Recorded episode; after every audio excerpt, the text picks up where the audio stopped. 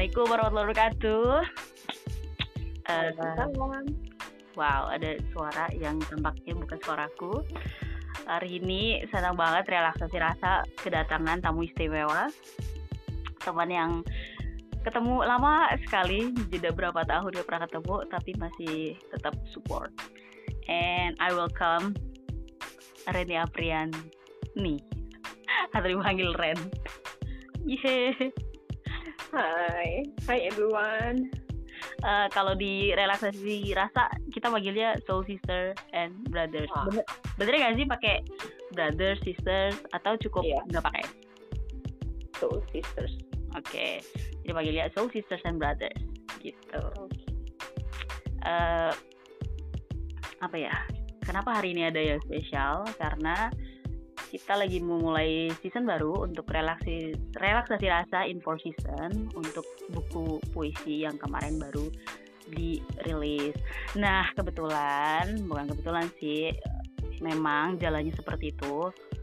Uh, Reni ini telah membantu proses dari awal penulisan lebih kali proofreading dan lain-lain ngecek sampai udah jadi buku. Jadi ini akan jadi episode spesial karena perdana juga relaksasi rasa in four season di diceritakan secara verbal oleh orang yang membantu dari pertama. Gitu. Jadi hari ini kita akan ngomongin masalah oh yang pertama season pertama Sparks.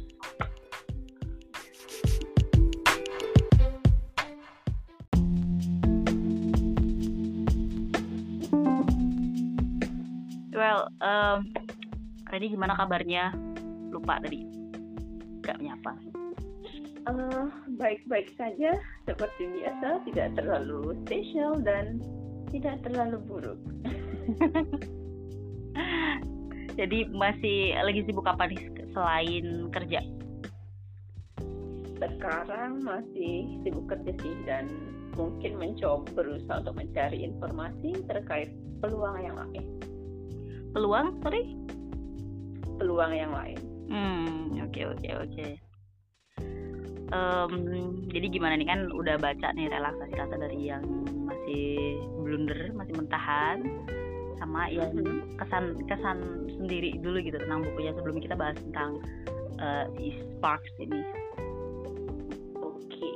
uh, eh, pertama saya lihat apa saya terlalu personal apa informal formal banget itu sih pertama kali lihat judulnya itu tuh sudah kayak hmm, I think it will be such a good read gitu kan kayak hmm. relaksasi rasa gitu. dan aku kan tipe orang yang kayak a bit romantic gitu suka-suka hal yang berbau romantis hmm. terus pas baca ada empat sub uh, apa namanya bahasan uh, di sini yang dan itu benar-benar aku bisa relate to some point aku bisa relate dan ya yeah, it's really hit home gitu nah kalau yang di uh, pertama itu pas naskah pertama dicek kan belum ada foto gak sih ilustrasinya? Ya uh, dan setelah memegang yang versi printed itu ada ada kesan berbeda atau ini gak sih? Uh, iya ada. Cuma tapi karena aku lebih fokus ke apa ya bait-bait katanya. Oke. okay. Uh, jadi ada sedikit sih kayak ketika ada visualisasi lebih uh, apa namanya apa ketika bagian-bagian itu dijelaskan tuh kayak lebih masuk saja sih tapi overall for me personally tanpa visualisasi itu itu pun juga cukup ya pesannya sudah tersampaikan gitu. Oh, Oke. Okay. Uh, eh, tapi banyak yang juga nggak nyambung ya.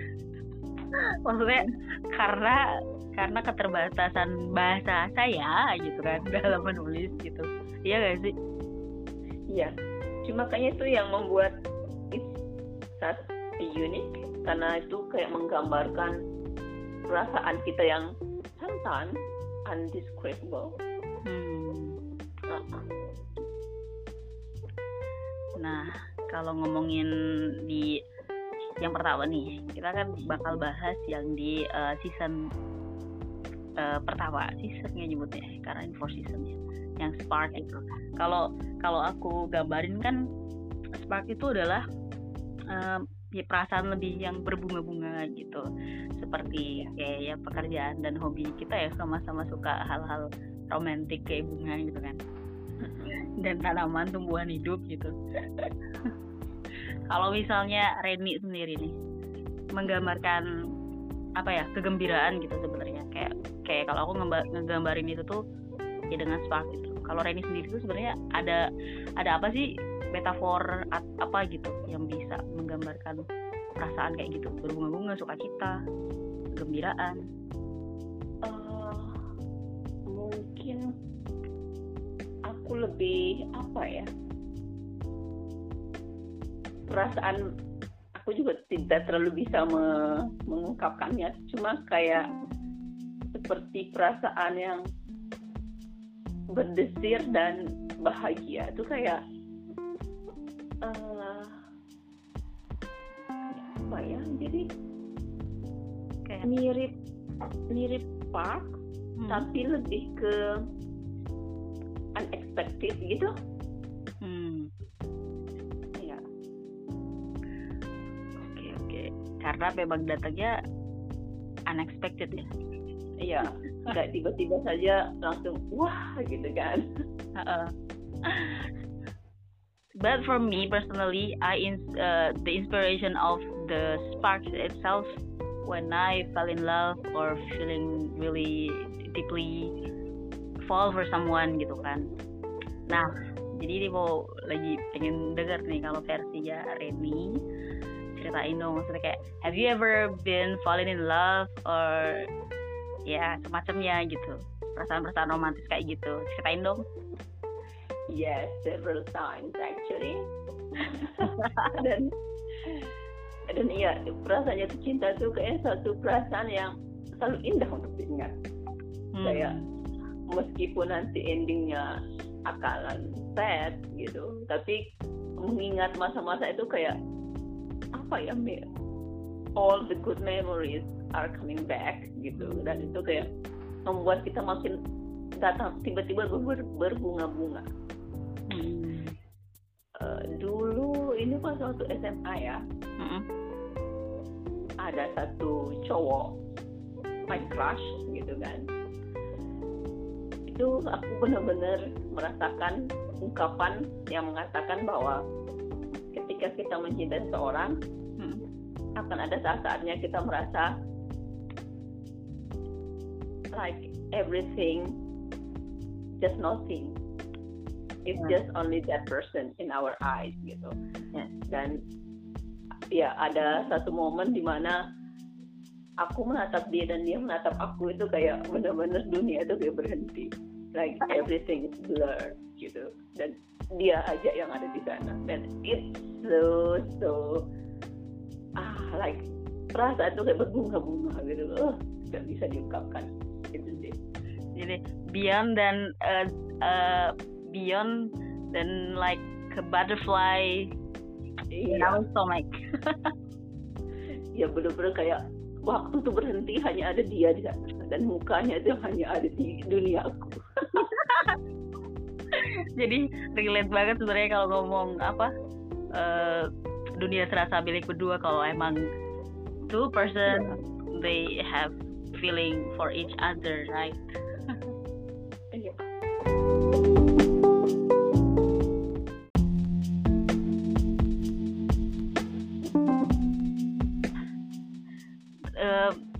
terus dari dari sana itu gitu apa sih selain momen kayak gitu bertatapan gitu apa sih hal-hal yang yang rasanya itu kayak sangat itu treasure gitu ketika merasakan jatuh cinta gitu hmm, um, bukan hanya kayak tatapan kali ya hmm. apalagi oke okay, mungkin waktu itu it's kind of one-sided love. Hmm.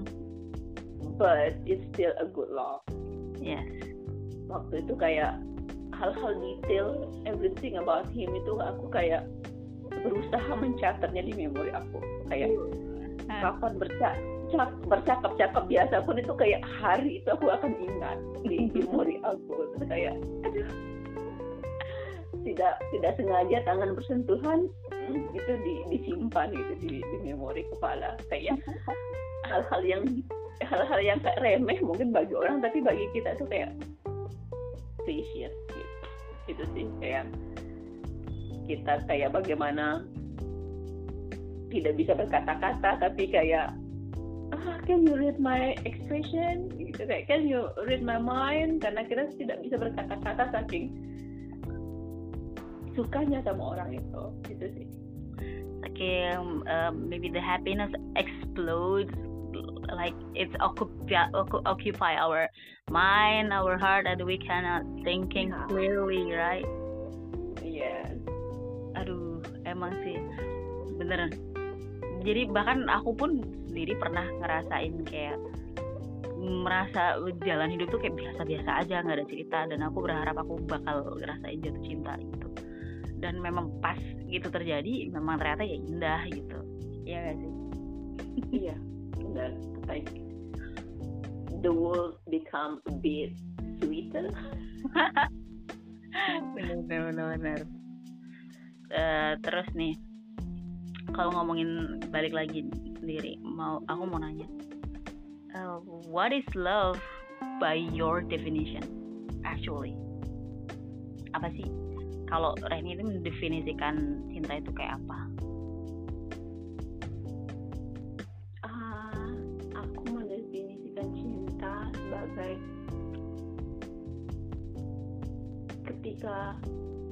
Orang itu uh, seperti apa ya kayak benar-benar jadi bagian dari jadi diri kita gitu. Kayak ini kayak apa ya kayak soulmate aja gitu. Jadi kayak merasa bener-bener ini orangnya gitu kayak apa ya yang orang yang ketika kita belum kenal aja kita sudah tahu kayak ngerasa udah kenal lama gitu hmm. itu sih menurut aku dan pengalaman-pengalaman dari yang aku ketika suka sama orang kayak berasa tuh kayak udah deket aja dengan orang tua walaupun baru kenal atau bukan baru kenal banget ya tapi baru deket gitu udah kayak udah klik aja oh, oke okay. so do you believe in love in the first sight? Uh, yes and no. In what circumstance kenapa itu bisa yes dan no? It can be last it can be last hmm. jadi kayak but I do believe karena untuk menumbuhkan cinta itu butuh effort gitu butuh usaha. Jadi mungkin yang pertama kita ada kayak ngerasa tadi kayak koneksi tapi kan belum tentu koneksi itu benar jadi salah. Jadi untuk bisa membuktikan itu cinta dan membuat satu hubungan gitu kan butuh hmm. usaha. Karena bisa jadi ketika pandangan pertama kan bisa jadi ada faktor yang sangat besar ya. Faktornya itu adalah itu kayak keter ketertarikan fisik hmm. karena pernah saya pernah mendengar ya yang kayak 20% ketika kita pandangan pertama itu 20% itu adalah kita melihat orang itu sebagai pribadinya tapi 80 persennya kita lebih melihat orang itu se, se, secara tampilan luarnya gitu. jadi bisa jadi ketertarikan awal itu hanya sebatas ketertarikan tampilan luar gitu. oh, jadi bisa disebut ini nggak sih kayak uh, itu hanya ilusi. Maksudnya yang harus dibuktikan gitu. Yaitu tadi dengan perkenalan selanjutnya dengan tahu lebih dalam dan lain-lain gitu. Hmm, bisa jadi.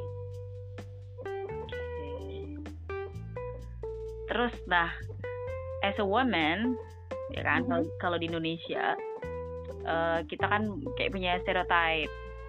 Ya mungkin juga nggak nggak cuma di Indonesia lah di negara Asia lain atau mungkin bahkan di luar sana kalau cewek itu mostly kayak harus nunggu gitu. Iya. Luar ini sendiri gimana? Saya punya pengalaman nih jadi berapa dua tahun yang lalu hmm? dan ini kayak bener-bener culture kita kan kayak ya cewek terus menunggu gitu. Yang mengejar adalah yang cowok hmm. but kalau kita cuma menunggu nggak ada effortnya itu kayak kita sudah membuang satu usaha dan waktu gitu kan untuk bisa lebih dekat dengan orang itu dan dulu saya pernah menjalin saya pernah dekat dengan orang non Asia hmm. dengan kultur yang berbeda kayak saya dengan kultur saya mendekati dia dan dia dengan kultur dia mendekati saya dan banyak belajar di sana kayak nggak bisa cuma menunggu gitu. Kita juga harus berusaha tan tanpa melihat gender ya. Jadi kayak if you if you love that person show it. Itu tunjukkan usaha dong gitu. oke okay, jadi so everyone deserves and have their own right to chase their love. Kan? Iya. Yeah. tapi kalau kalau misalnya Reni dalam bentuk apa tuh? Uh, usaha apa gitu? Maksudnya kayak mengungkapkannya kah duluan atau memang kayak cuma PDKT aja gitu tanpa tanpa menoti memberitahu gitu? Ke yang bersangkutan. Like show it jadi kayak ketika punya feeling katakan aku punya feeling kayak itu tadi sebelumnya aku punya udah punya pengalamannya itu kayak dan itu nyeselnya nyesel banget kayak kenapa tidak melakukan apa ya hal sesederhana menyatakan perasaan gitu kan hmm. jadinya ketika di dekat dengan yang lainnya terus kayak dikasih kesempatan dekat dengan yang lain lebih open sih kayak dan kalau suka katakan suka gitu jangan jangan diem-diem wae gitu kayak karena orang itu tidak bisa membaca apa di hati kita kan kita harus mengekspresikannya. Iya padahal murah ya. Mm-hmm. untuk mengekspresikan. Tapi ada ini gak sih kayak kekhawatiran bahwa misalnya nih uh, pas pas kita mungkin kan cewek banyak yang nggak cuma cewek sih mungkin cowok gitu. Ketika kita mencoba untuk mengungkapkan terus ada kekhawatiran itu akan bikin hubungan yang tadi biasa atau lancar aja jadi awkward gitu. Atau karena kadang kan ada juga mungkin kayak aku ini tapi ketika nanti aku ngomong takutnya malah bikin jauh kayak gitu. Iya benar sih. gitu? Benar sih. Ada sih cuma kayak yang tadi itu kayak kalau kita nggak berani we will never get the closure that we deserve kayak ada akan ada perasaan menjanggal yang akan ada di sana gitu. Dan itu tidak bisa hilang kalau kita tidak mengungkapkan itu. Itu kan. Jadi memang harus terima dengan resikonya ya. Ya harus terima resikonya. Resiko diem aja ya udah tetap ada yang mengganjal. Resiko ngomong ya mungkin. Jadi nggak seperti sedemikian tapi yang paling bagus adalah ya memang responnya juga positif ya iya sih cuma kan kalau udah sama-sama dewasa ya menurutku kayak pasti kalau tidak suka ya tidak suka gitu ayo temenan saja hmm. gitu kan jadi that is the consequence tapi bukan berarti kita harus membuat itu kayak membuat ketakutan itu jadi menghambat kita sih iya sih. So, sebenarnya selama yakin ya. Maksudnya based on my experience aku juga pernah gitu kan ngomong. Se ya semakin dewasa tuh semakin ngerasa lebih berani gitu mengekspresikan. Ketika aku yakin dengan sosok orang ini aku pun ya yakin gitu ngomong.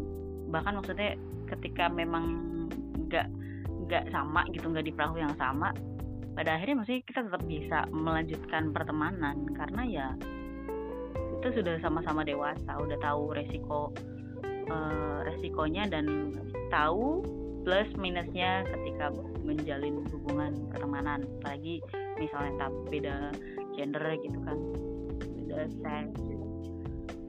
Ternyata memang seru sih ya. Seru ya sih kalau misalnya bisa ngomong gitu? Buat seru banget. Iya kan apalagi kalau memang ini uh, kita ngomong dia apresiasi. Walaupun misalnya tetap nggak seperahu tapi apresiasi. Dengan ya, waduh.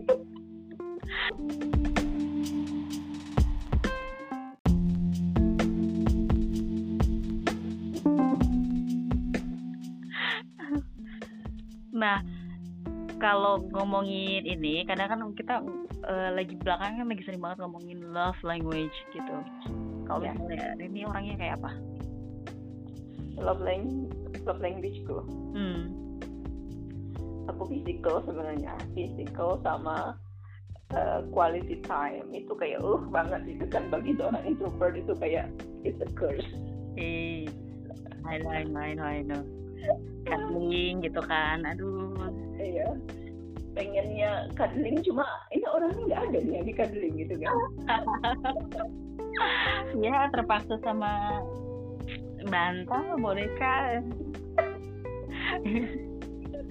bahkan iya bahkan sekarang pun aku kembali sendirian tanpa si bocil-bocil juga. Akhirnya ya udah ya bener-bener. Kalau Lizzy apa love language-nya? I think semuanya sih. Maksudnya kayak sometimes I need a confirmation. Jadi word of affirmation juga perlu. Terus kalau aku juga tipe orang yang sangat uh, act of service. Maksudnya even even tuh bukan ke pasangan ya ke teman ketika aku ngerasa dia adalah teman aku akan menganggap itu kan sebagai treasure dan aku bakal melakukan apa pun sebaik mungkin gitu. Apalagi tipe yang yes man. Yang kalau dimintain tolong ataupun kayak yes jadi termasuk itu act of action uh, nah itu. Act of action affirmation juga suka touching juga physical touch. And I feel like when we uh, have a touch it's like electrifying our body. Ini ada di di page berapa gitu.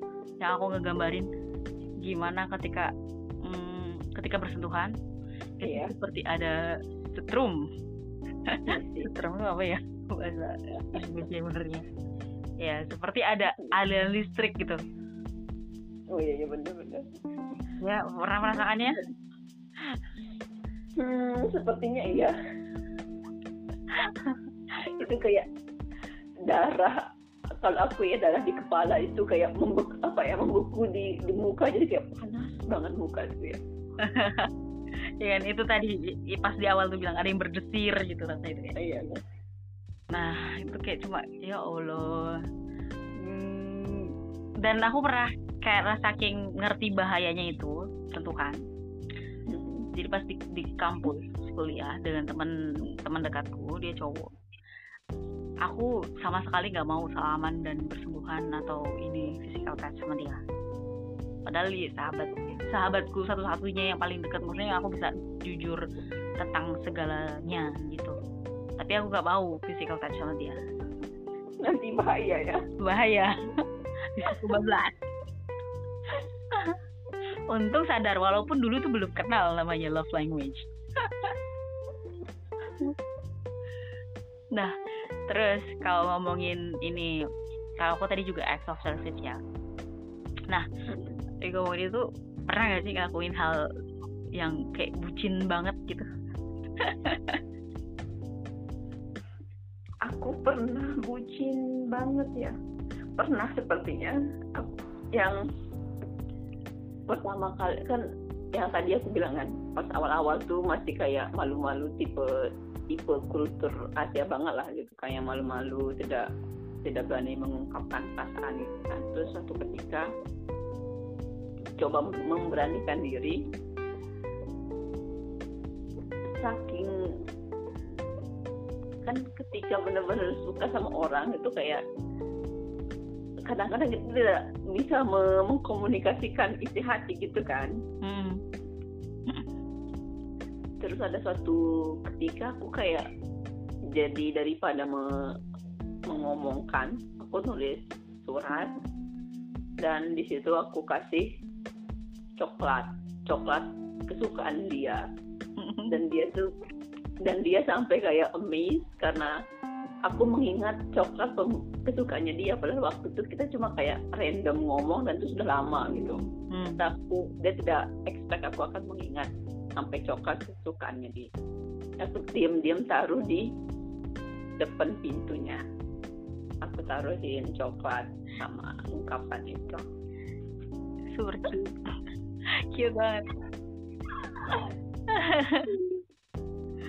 aduh ini asli. Ya cute banget sih pasti kalau yang nerima juga kayak aduh pasti mesem-mesem ya. Kebucinannya Rizky seperti apa nih? Uh, aku pernah muterin Jakarta berapa gerai gitu untuk itu pengen satu sandal sepatu gunung gitu. Jadi aku muterin berapa gerai karena itu spesifik spesifik banget kan model dan ininya. Uh, gerai satu gak ada gerai dua padahal itu Jakarta lagi panas banget dan tengah hari. Aku motoran keliling berapa gerai untuk dapetin itu. Di posisi aku lagi nggak punya duit. Amazing nih. Itu kayak kalau pikir kayak bodoh gitu. Cuma kayak ya udah. Dan uh, banyak banget sih sebenarnya.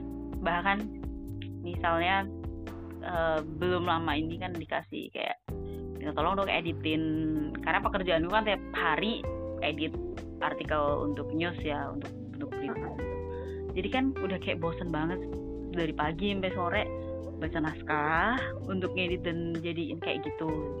Terus karena dia bekerja di uh, bukan di apa namanya bekerja di untuk organisasi pokoknya agri agraria gitu. Dan ngomongnya masalah advokasi hukum dan lain-lain. Ternyata dia butuh untuk bikin publikasi jurnal eh bukan jurnal buletin yang bisa dikonsumsi oleh publik gitu kan.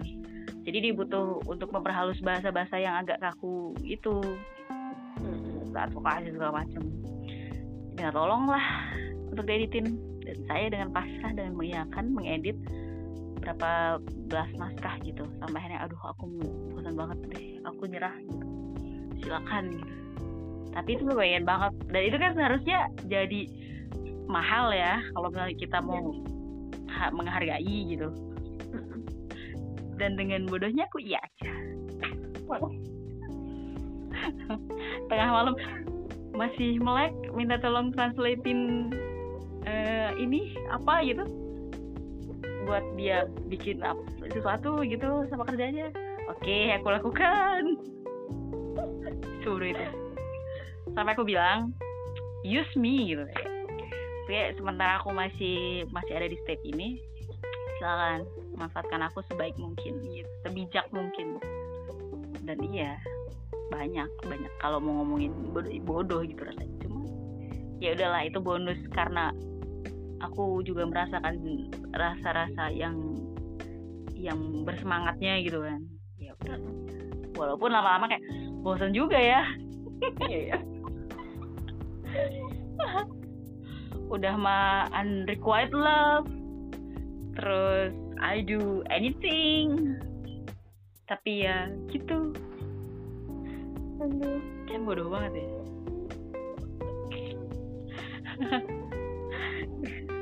itu kocak sih. Dan aku menyadari dan aku tetap jalan aja. Ya, kadang-kadang kadang ada saat di mana kita tidak bisa mengontrol itu.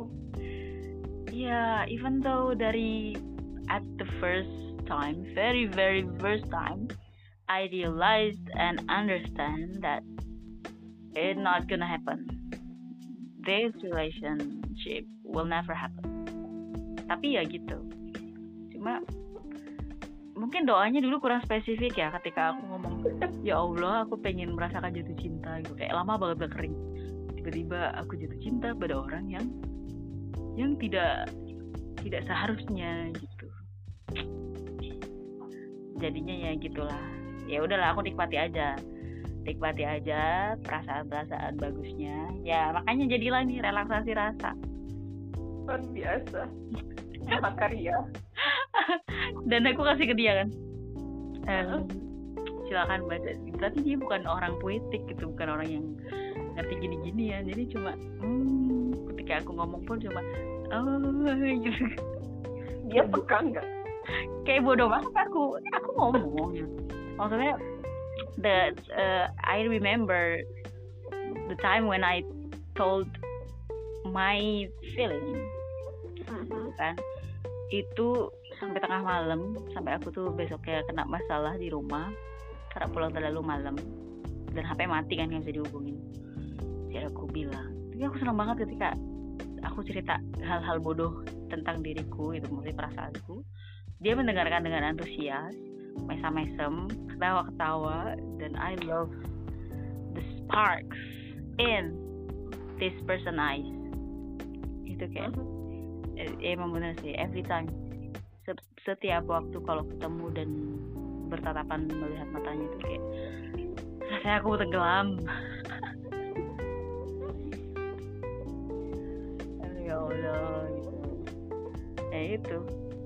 Kayak didengerin aja maksudnya dia masih tetap akhirnya berteman maksudnya tetap masih jalan dia ngerti gitu aja udah kayak oke okay, bersyukur walaupun sekarang tuh lagi di fase agak bosan ya jadi seorang diri gitu. Tapi ya ya sudah. Aku syukuri. Aku bilang gini 50% mungkin lebih ya emang tentang orang ini.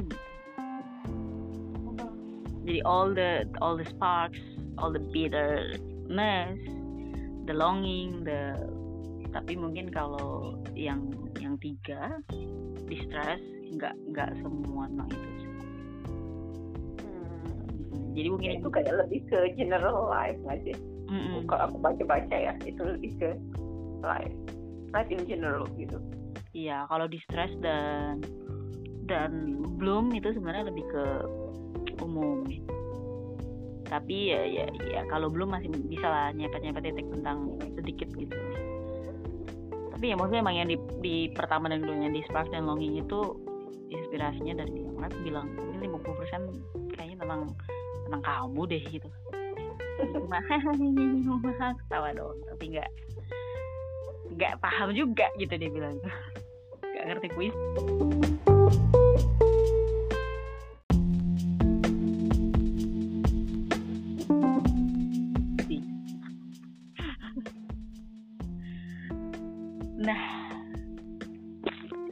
kalau boleh tahu nih di di Spark itu ada gak sih yang yang mungkin membekas gitu atau mungkin terkesan dan ya bisa lah itu relate lah gitu. Ada dua yang paling aku suka. Hmm.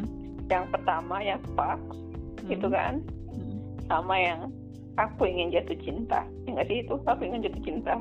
Oh yang waktu itu sempat nanya ya Mustafa Mustafa iya iya aku itu kayak bener-bener jadi pengennya kayak begitu gitu ya. Dan yang spark itu hal yang pernah dialami dan bisa relate ke sana gitu kan. Kenapa aku suka yang spark yang yang itu yang judulnya spark gitu. Mm-hmm. dan untuk yang aku ingin jatuh cinta tuh karena yang pengennya ujungnya kayak begitu gitu kan. Iya kan? Ah gitu. Aku suka itu. Itu bagian yang favorit aku banget itu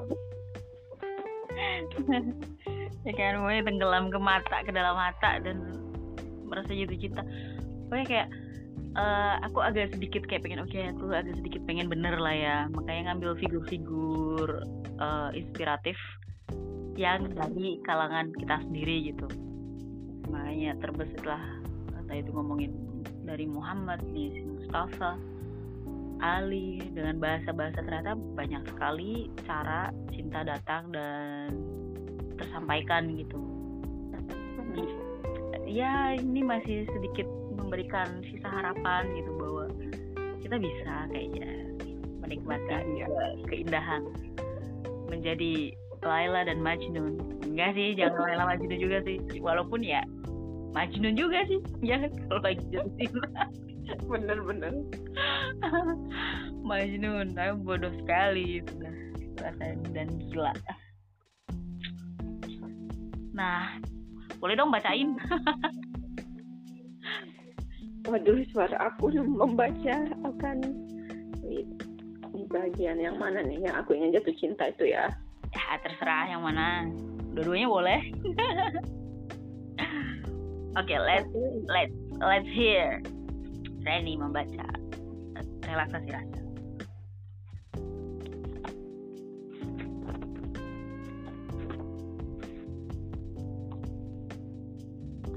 Aku ingin jatuh cinta bagaimana Yusuf oleh Zulaika.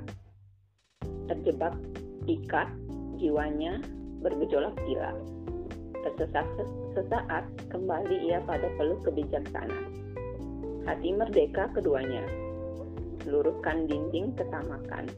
Keringkan laut ketidaksabaran. Saat masanya datang, cintalah selalu menang. Aku ingin jatuh cinta seperti Hadijah kepada Mustafa segala harta, atma, apalagi sekedar raga, dipasrahkannya pada hati paling mulia. Ketenangan batin, kedalaman pengetahuan, ketak bersyaratan keyakinan, menyemaikan kesejukan, menyebarkan, menyebar hingga ke seluruh penjuru mata angin. Aku ingin jatuh cinta, laksana Maryam bagi putranya. Kemurnian seutuh manusia, menjadi garba insan yang dicintai semesta. Tiada fitnah merenggut imannya, tak pula sakit dari belati penyisir hina.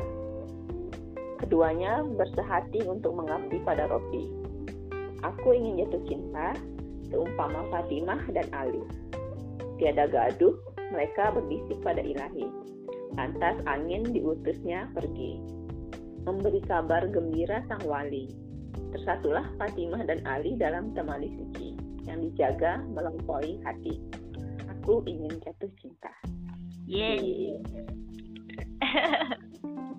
ini kayak aku suka banget nggak tau kayak suka lah banget ini. Uh, tapi sadar gak sih dengan dengan beberapa kisah di aku ingin jatuh cinta ini mm -mm. ada satu kesamaan ini kan kisahnya uh, Zulaiha dan Yusuf, Hadijah yeah. dan Muhammad, terus Maryam dan Fatimah. Oh, ini fokusnya ke si perempuan ya? Iya. Oh. Kan. Yeah. Jadi gimana gimana perempuan-perempuan ini ketika jatuh cinta mereka ya dengan karena dibimbing keyakinan ya dibimbing dengan jalan Tuhan gitu berarti mereka bisa bisa berhasil gitu iya ya tapi kayaknya ini aku baru kepikiran juga deh setelah membaca dan mendengar iya ya kok baru aku enggak gitu. Zulaiha yang sempat maksudnya kayak menggila gitu kan. Iya menggila banget. tersesat gitu di awal-awal sampai akhirnya dia kembali gitu. Pada peluk kebijaksanaan gitu dituntun untuk jadi dan bersatu.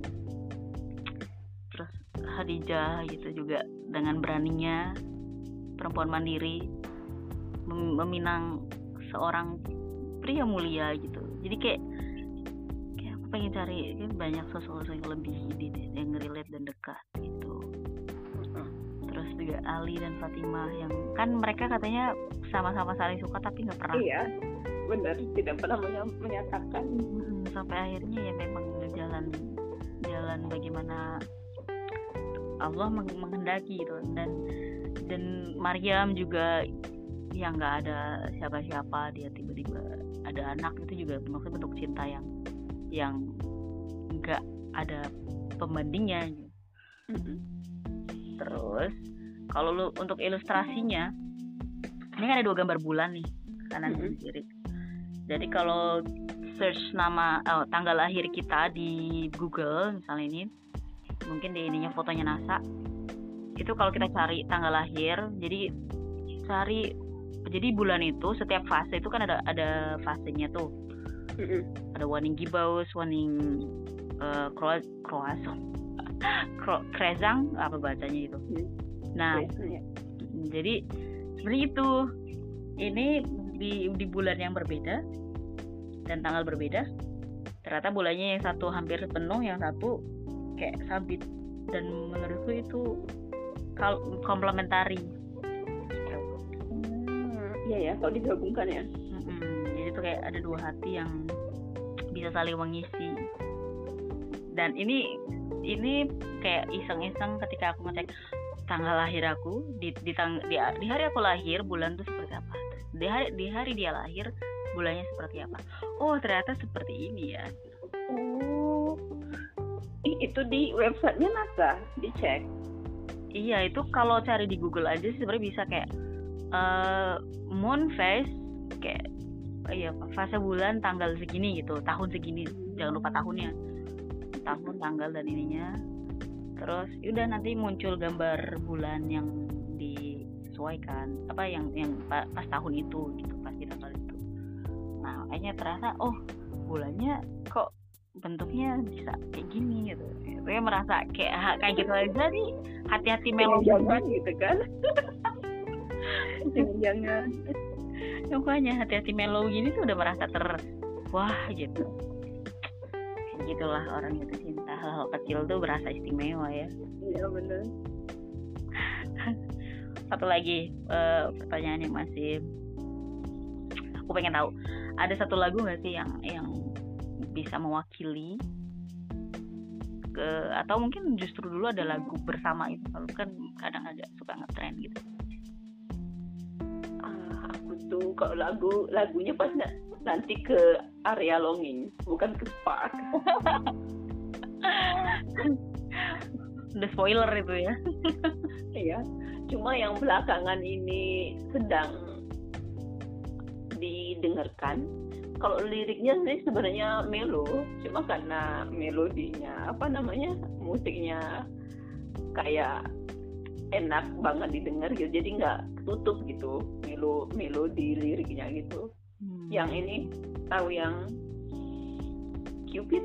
Cupid. Ah I know I know I know. Nah, itu kan melo banget ya. Uh, liriknya ya. iya. I wonder myself why this song become really really popular. Lagunya sangat memang pop liriknya ya. sangat sedih tapi dibingkis dibingkis dengan musik yang ceria gitu kan ya aneh banget itu sebenarnya itu ini begitu daya daya tariknya daya uniknya benar soalnya kalau aku ditanya musik pasti yang yang itu tentang longing banget Iya, yeah, sama sih. Lagu gue juga nggak banyak. Semuanya melo. Gitu.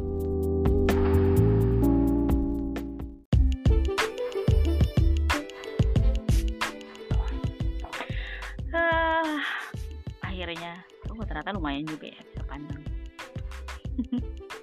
Jadi kira-kira itu obrolan tentang uh, Spark dan ngomongin masalah cinta dan jatuh cinta. Eh ada terakhir nih kata-kata hari ini. Aduh kata-kata hari ini quote-nya deh. Hmm, quote-nya ya. Hmm. atau words. Don't, apalah. don't assume gitu hmm. apalagi kalau mencintai seorang don't assume oke okay. gitu hmm. jadi kayak kadang-kadang asumsi kita itu yang menyakiti kita sendiri lebih baik konfirmasi dengan tadi mengekspresikannya kah atau mengatakan apa pun itu gitu jadi don't assume ya don't play trick with your mind iya yeah. yeah, itu simple tapi uh, kuat sekali maknanya. Uh, terima kasih banyak sudah menyempatkan waktunya selama ini sepanjang ini membaca membaca lagi dan bahkan untuk bicarakan secara langsung tentang buku yang banyak kurangnya ini tapi sangat terima kasih juga terima kasih banyak terima kasih banyak aku juga senang banget sih bisa kayak sharing tentang relaksasi rasa ini. Karena benar kayak ya kayak me, memutar memori gitu sih. Memori apakah itu spark longing itu kayak ya jadi senang senang diajak ngobrol tentang ini. Ya di luar dari kebiasaan yang mungkin sudah berat sekali ya bahasanya. Iya benar rekreasi lah gitu. Ini relaksasi rasa. Iya relaksasi. the mean my my mean to ya katarsis. Makanya emang relaksasi rasa itu tujuannya itu mengkatarsis segala rasa yang ada. Makanya jadi kadang ngalor ngidul juga tuh kalau di podcast. Kadang bahas ini kadang bahas itu. Tapi kayaknya aku sih berharap misalnya besok-besok aku misalnya ada topik yang bisa juga diobrolin karena pasti seru banget kalau ngobrol sama selalu selalu menarik dan menyenangkan ngobrol sama ini dari sejak dulu gitu. Thank you. Mm, but for this occasion, I'm really thank you for you to spare your time ngobrol lagi khusus spesial untuk relaksasi rasa. Uh, aku kayaknya mau closing dulu untuk yang ini. Jadi aku stop record. Thank you buat Soul Sister and Brothers. Semoga sedikit apa ya menemani menemani aktivitasnya gitu kan. Atau sedikit ikut bernostalgia mengenang-enang. So um, kayaknya podcast hari ini cukup di sini. Thank you. Assalamualaikum warahmatullahi wabarakatuh. Aku record